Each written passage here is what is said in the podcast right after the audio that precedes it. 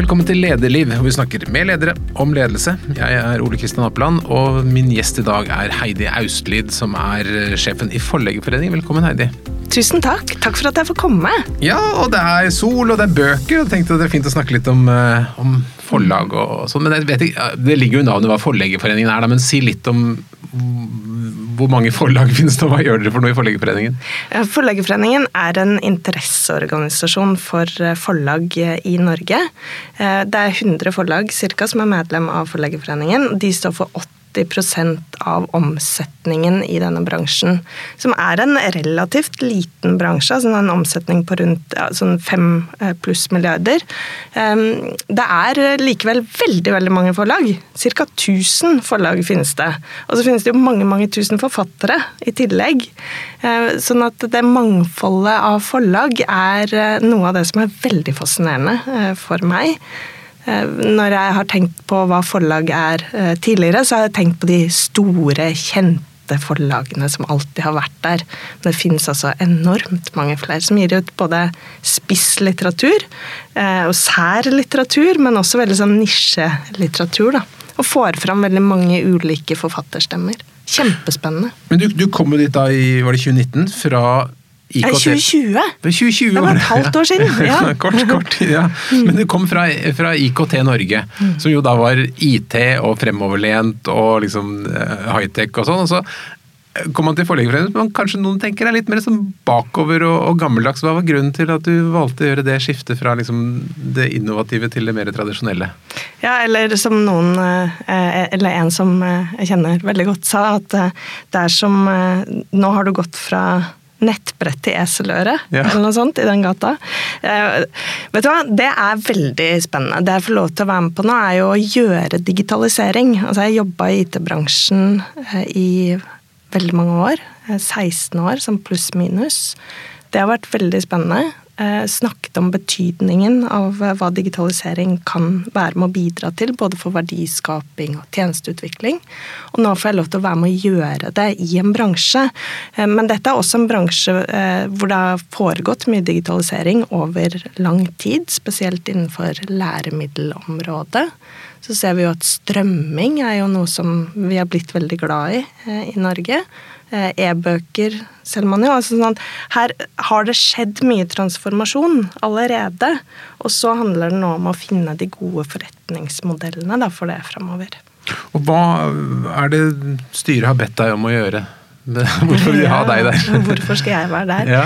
Jo, jeg tror jeg kommer inn med en kompetanse fra en annen bransje eh, som er viktig. Og så kom jeg jo inn med en politisk ballast. og Jeg har jobba som lobbyist i eh, hele mitt yrkesaktive liv, og egentlig før det også. Eh, og har mye organisasjonserfaring. Og så kom jeg vel inn med et, eh, et, gir som jeg tenker at kan være bra for denne bransjen. da. Mm. Vi må snakke mer om hva du skal gjøre, men vi kan godt gå litt tilbake, siden du sa hele ditt yrkesaktive liv. For du, du, startet, du, har vært politisk aktiv lenge. Hva, når var første gang du husker at du fikk en lederoppgave? Eller tok en lederoppgave? Hvor liten var du da? Jeg tror jeg på mange måter var litt sånn irriterende da jeg var liten. Det kan jeg godt tenke meg. ja, eh, litt sånn Jeg har alltid hele mitt liv stilt spørsmålet hvorfor. Eh, hvorfor må vi gjøre det sånn? Eh, alltid hatt veldig tro på at det går an å få til eh, endring i positiv retning. Jeg var jo eh, i elevrådet fra jeg gikk på barneskolen. alltid vært opptatt av å stå opp for urett. Eh, engasjerte meg veldig mye både i elever og TV-aksjon og alle de tingene der. Der eh, var nok de aller første mine ledererfaringer. Mm. Eh, da jeg begynte på videregående, så ble jeg mer og mer aktiv eh, i elevrådet og gjorde sånne irriterende ting. F.eks. engasjerte alle elevene til å nekte å betale kopieringsavgift, som var en sånn kopiavgift man måtte betale til skolen. Vi kjøpte heller en pall papir til skolen, for det var liksom billigere da, mm. for elevene totalt sett. Nei, men det, men det engasjementet har eh, alltid drevet med. Altså engasjementet for å skape endring. Og jeg har alltid trodd at det er mulig og flytter svære fjell, men aldri gjør det alene. Og det er vel også eh, noe av det som preger min lederstil, er eh, lagledelse. Altså det handler om å bygge gode, gode lag da, og gode team. Mm. Men for deg så er det viktigere det å være med på å forandre en sak enn det akkurat å bli sjef for en veldig stor organisasjon? Ja, og her er du inne på noe interessant. fordi at, Og dette har jeg tenkt veldig mye på. Er veldig, for meg så er det veldig stor forskjell på det å være sjef og det å være leder. Eh, en sjef tenker jeg er opptatt av å gjøre det veldig stor grad for seg sjøl. For meg så handler eh, ledelse om å skape gode lag som til sammen kan utgjøre en forskjell. Jeg så at du, hadde, du, du var da aktiv i Norsk elevorganisasjon slutten av 90-tallet eller midten av 90-tallet, og bl.a. utviklet ti bud om IT i skolen. Det syns jeg hørtes litt spennende ut. Hva var, hva var, det? var veldig... det var kanskje gøy å høre. Husker du de budene nå? Ja, jeg husker mange av de.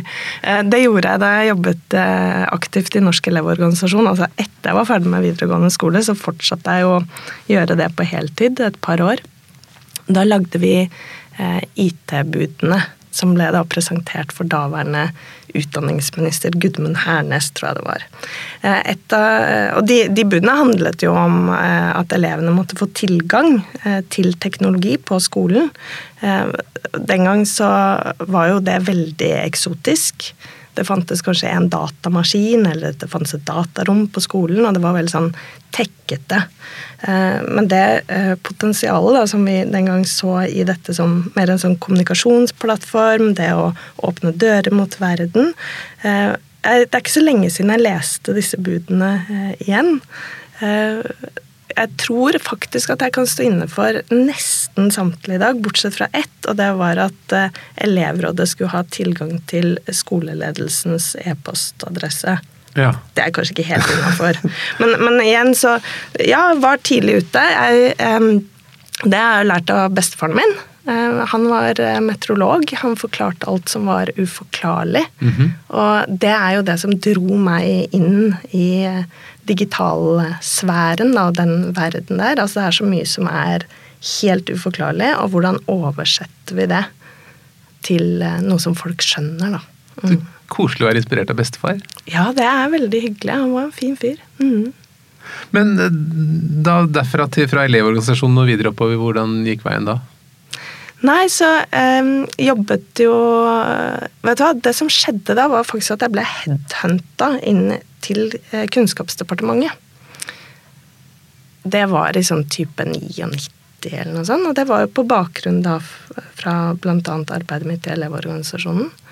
Uh, og da begynte jeg å jobbe i Likestillingssekretariatet, som det den gang het, med noen prosjekter knytta til jenter og IT. Det var eh, på den tiden man trodde at eh, jenter ikke kunne forstå teknologi. Så man spytta masse penger i ulike prosjekter, og så var det min jobb å samle disse prosjektene og spre erfaringene, da. Lagde vi sånn eh, IT-liste for dummies, blant annet. Ordliste. Men det var, så det var veien Det problemet har jo langt på vei løst seg, kan vi vel si? Eh, ja, altså det vi, det vi, jo vet, er at det er veldig mye færre jenter enn gutter som eh, tar teknologifag, men at det har blitt en allmenngjøring av eh, tech-feltet. Det har det jo blitt. Mm. Mm. Så, eh, men, så, det var veien min inn i Kunnskapsdepartementet. var rett og slett både det at jeg da hadde ledet Ungdommens IT-forum i 97-98, som Bendik Rugås satte ned i sin tid, og den erfaringen min fra Elevorganisasjonen. Og så startet den eh, karrieren der, som var veldig, veldig spennende. Så fikk jeg masse flotte, store oppgaver. Jeg var jo superung inn i det systemet. Eh, men jeg ble sett. Jeg hadde noen ledere som valgte å se meg, valgte å gi meg store utviklingsoppgaver. Kjempesvære budsjetter og fikk lov til å være med å skape forandring. Da. Mm.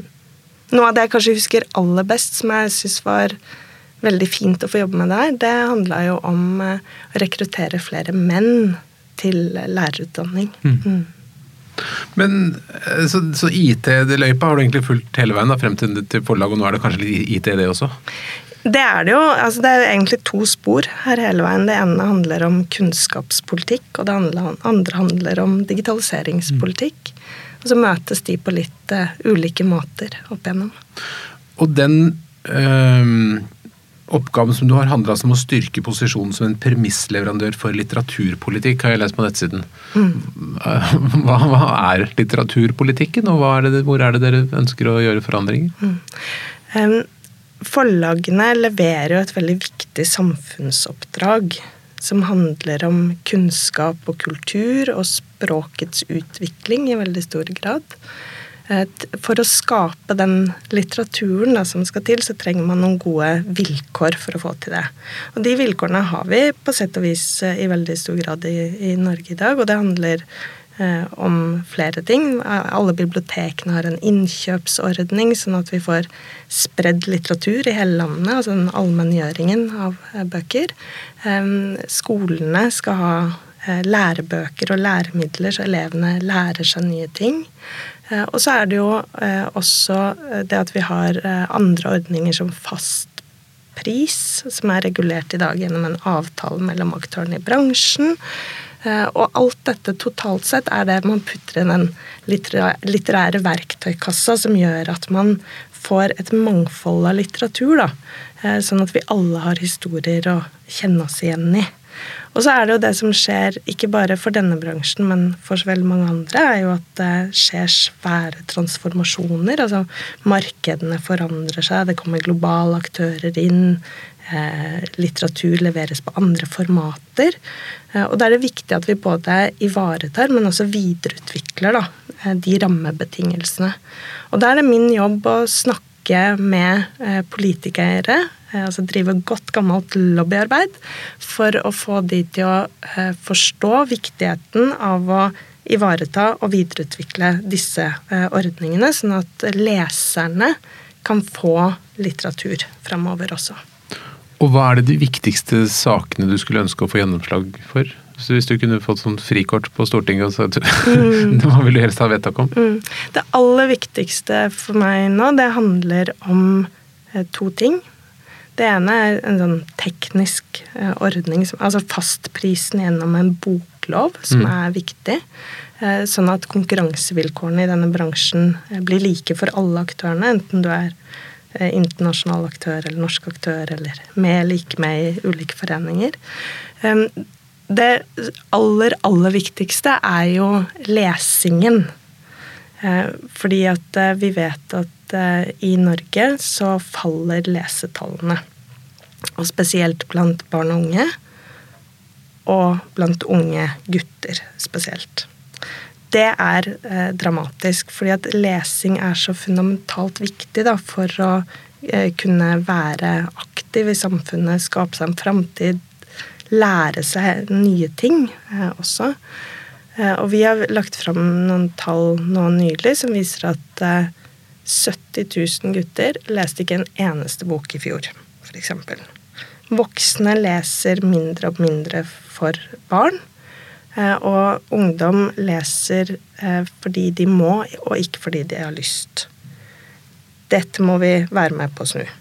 Det krever politisk oppmerksomhet.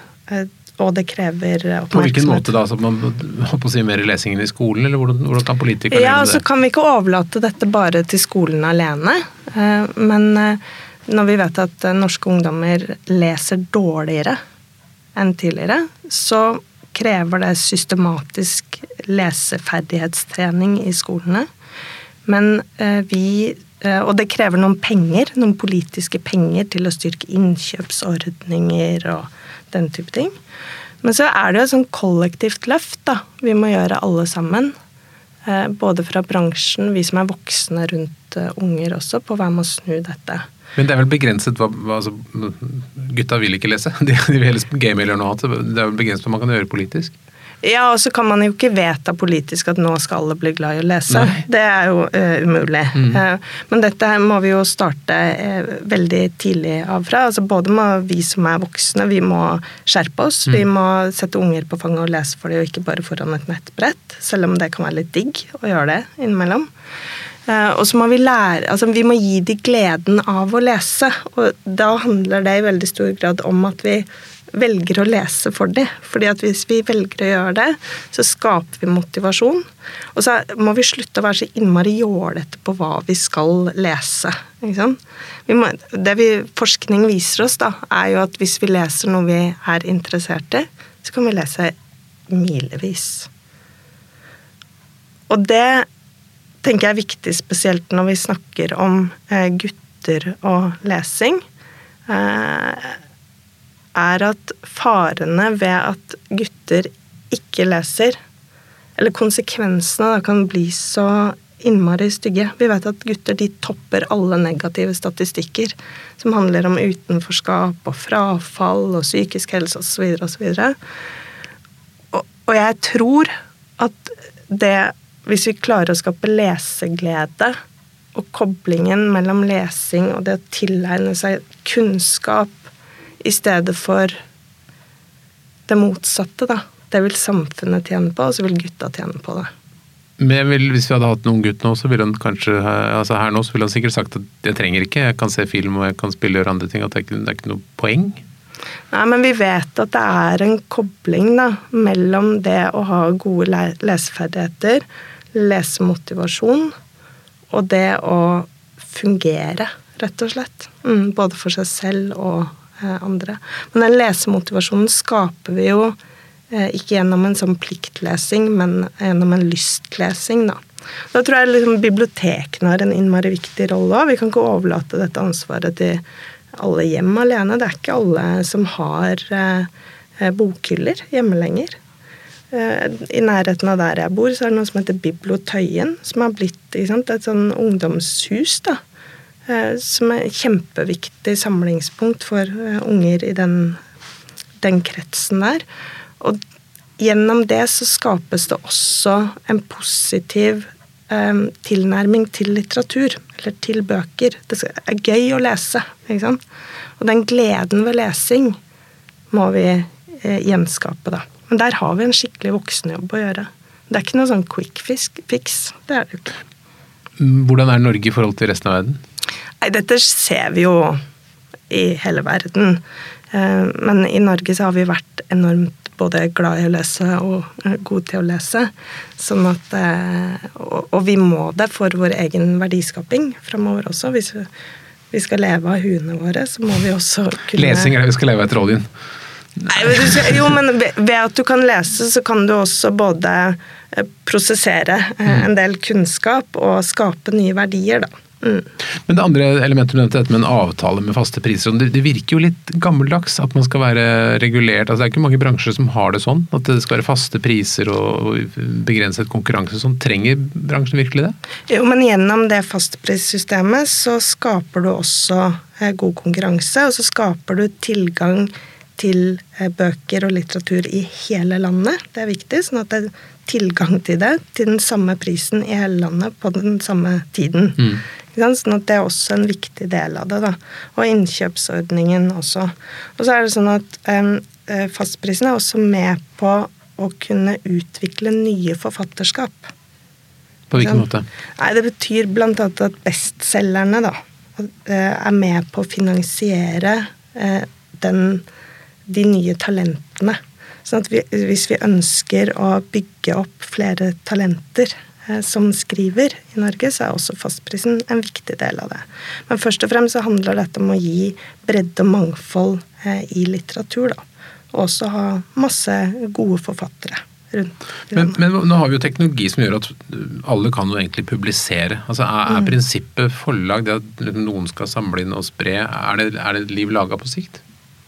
Ja, det, forlag har en viktig funksjon, fordi at kjernekompetansen til eh, forlaget, det handler jo om eh, å ta eh, en idé og omarbeide eller prosessere den da, sammen med forfatteren, og skape et godt litterært verk i andre enden.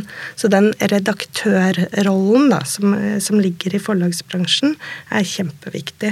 Vi trenger også gode Eh, mediehus eh, fremover, og vi trenger også gode forlagshus eh, fremover. Mm. Kan du gi oss noe tall på hvor mye bøker som selges og leses i Norge? Ja, det som er veldig eh, bra, er jo at bokåret 2020, det var fantastisk. Det hadde en vekst. Korona var vel ikke verst for, for, boken, kanskje? Nei, jeg tror liksom at det er sånn vi trenger å gjøre noe annet da, enn å sitte foran skjerm. Jeg tror vi alle er ganske lei av skjermlivet. Jeg syns f.eks. det er veldig fint å få lov til å komme hit. Kjenne lukten av folk. Det, er, det er bra. Nei, men bokåret 2020 var bra. Det hadde en, en vekst eh, på rundt 9% tror jeg det var. Eh, og så er jo bøker delt opp i mange ulike kategorier. Eh, og de kategoriene som vokste mest, det var sakprosaen.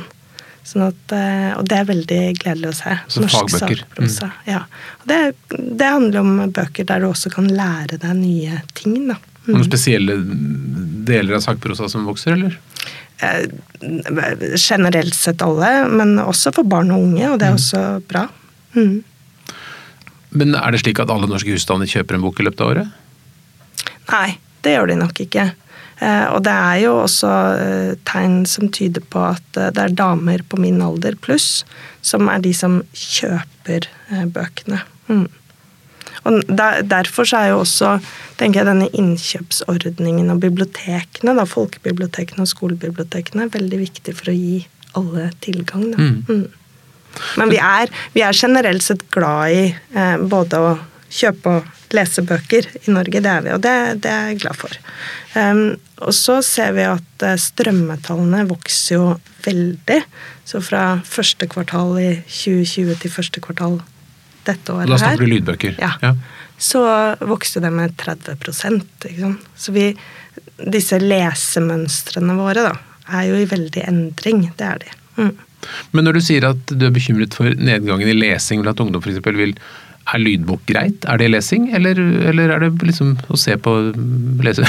ja, altså Det å ta inn eh, litteratur som en lytteopplevelse er kjempebra. Det kommer vi til å fortsette med, og framover så kanskje vi får helt andre måter å få litteratur òg intravenøst, for ja. eksempel. Jeg vet ikke.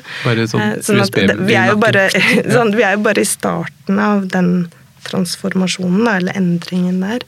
Men det å eh, lese lange setninger, eh, sitte og fysisk holde i en bok, det har en verdi i seg selv. fordi at med det så trigger du eh, konsentrasjon, eh, dybde, refleksjon og forståelse, blant annet. Så en, vi kan ikke sammenligne det å lytte og det å faktisk holde i en bok og lese.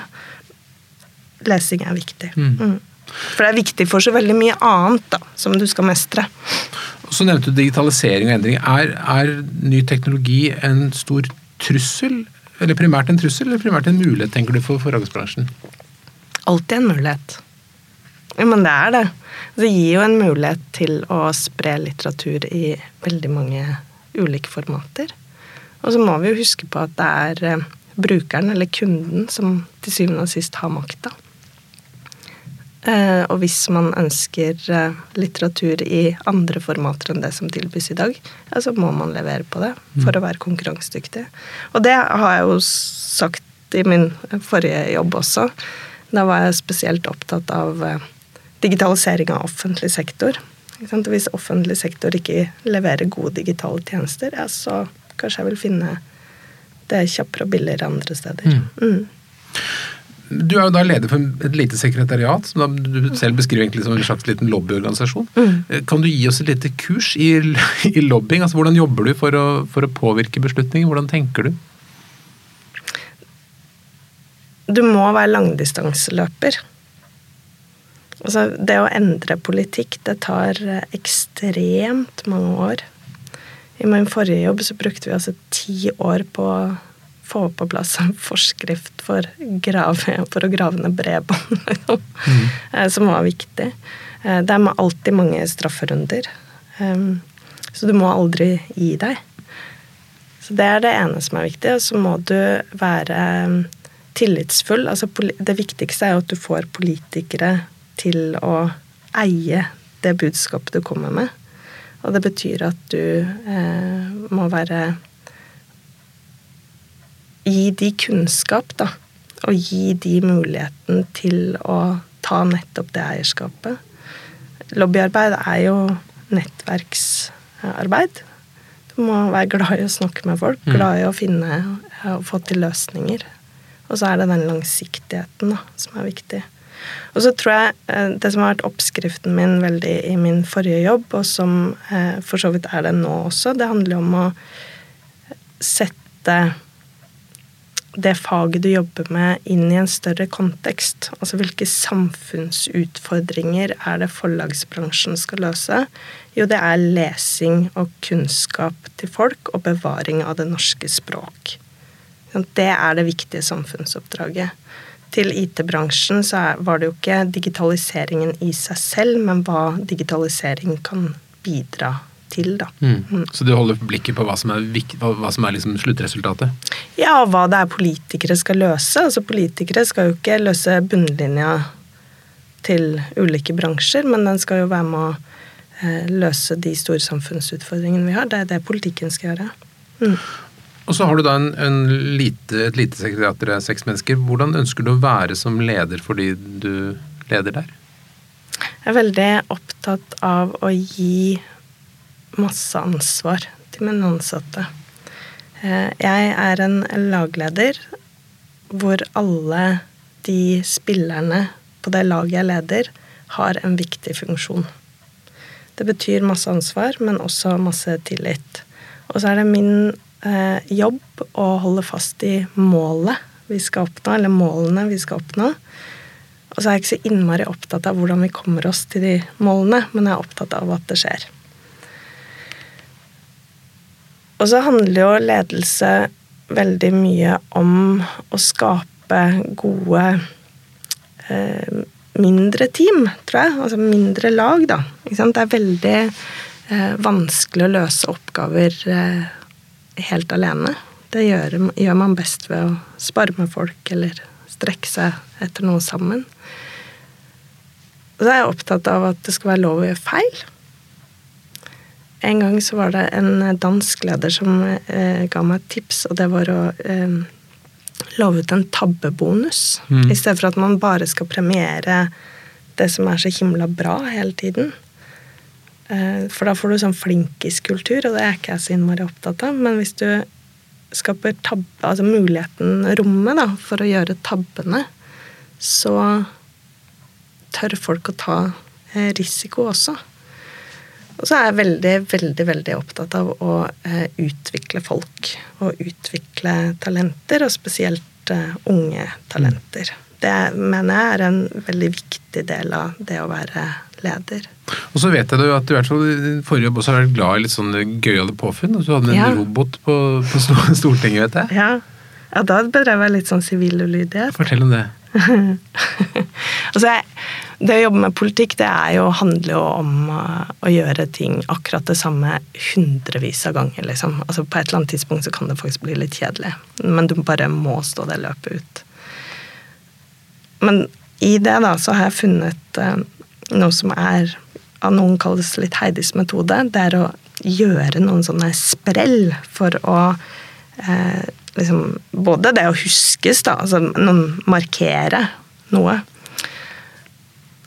Eh, og det er jeg mer og mer opptatt av. Eh, sånn at Og på den tiden her med denne roboten på Stortinget, så var det jo eh, IKT Norge, en liten organisasjon, fikk aldri oppmerksomhet i Stortingets vandrehall.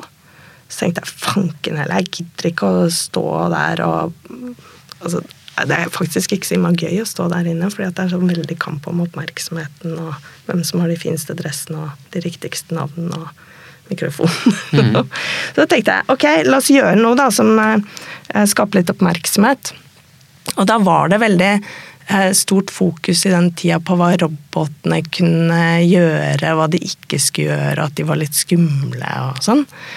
Så tenkte jeg la oss ta med en robot inn på Stortinget, og da tok vi med en skikkelig sånn svær eh, menneske ja, menneskelignende da, mm. Figur. Han den klassiske roboten. ja, den klassiske roboten som het Pepper, men som både kan gå og snakke.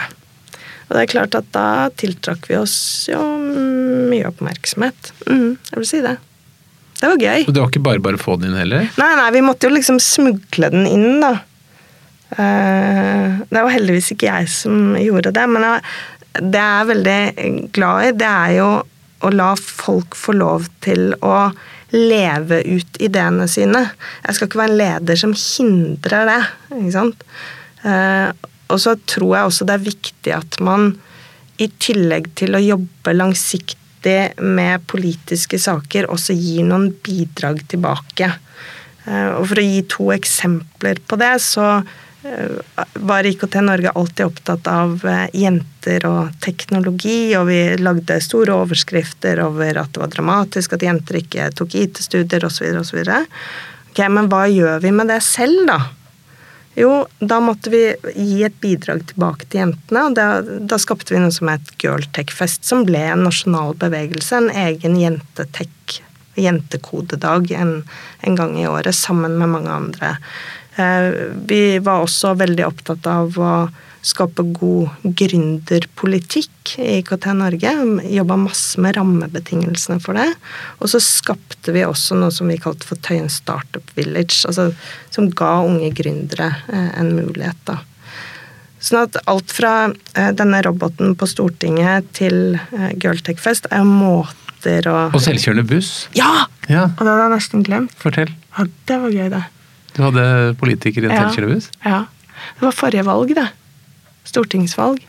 Eh, og da var det jo eh, en kjempediskusjon om eh, Om det liksom var mulig å ha selvkjørende kjøretøy, da.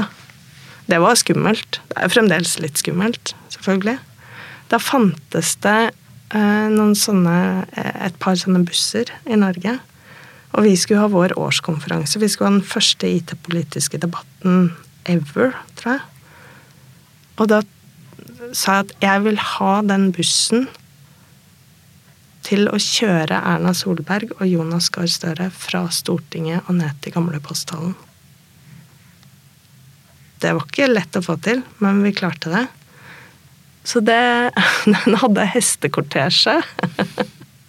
Inni den bussen så satt eh, jeg med de to. Vi hadde gode digitaliseringssamtaler. Og igjen så var det jo en markør for å sette fokus på en tematikk. Hva digitalisering kan bidra med og til. Og for å koble et ganske nerdete fagområde og sette det inn i en større samfunnspolitisk kontekst. Mm. Men ut fra det du sier, så er det vel ikke mulig at vi kan se for oss noen bokstunt i fremtiden, da? det kommer. Jeg lover det. ja, men det er klart det gjør det. Altså sånn eh, Og så må vi jo Altså, vi kan ikke gå rundt og være så innmari alvorlige og seriøse og eh, Vi må tørre å gjøre ting som både gir et bidrag, da, men som også markerer litt. Mm. Kampen om oppmerksomheten er ganske stor. Mm. Når er det du er mest fornøyd med deg selv som leder? Det er når eh, laget mitt når de målene vi har satt oss. Mm. Da kjenner jeg at jeg lykkes eh, som leder. Og veien til det målet eh, vil jo bestå av veldig mye ting. Um, det vil bestå av eh, at vi har fungert som et kollektiv. Det vil bestå av at vi har hatt mange gode politiske samtaler. Både de usynlige og de synlige. At vi har skapt oppmerksomhet. Og summen av dette er med på å gi de gjennomslagene. Mm. Når er du minst fornøyd da, med deg selv som leder?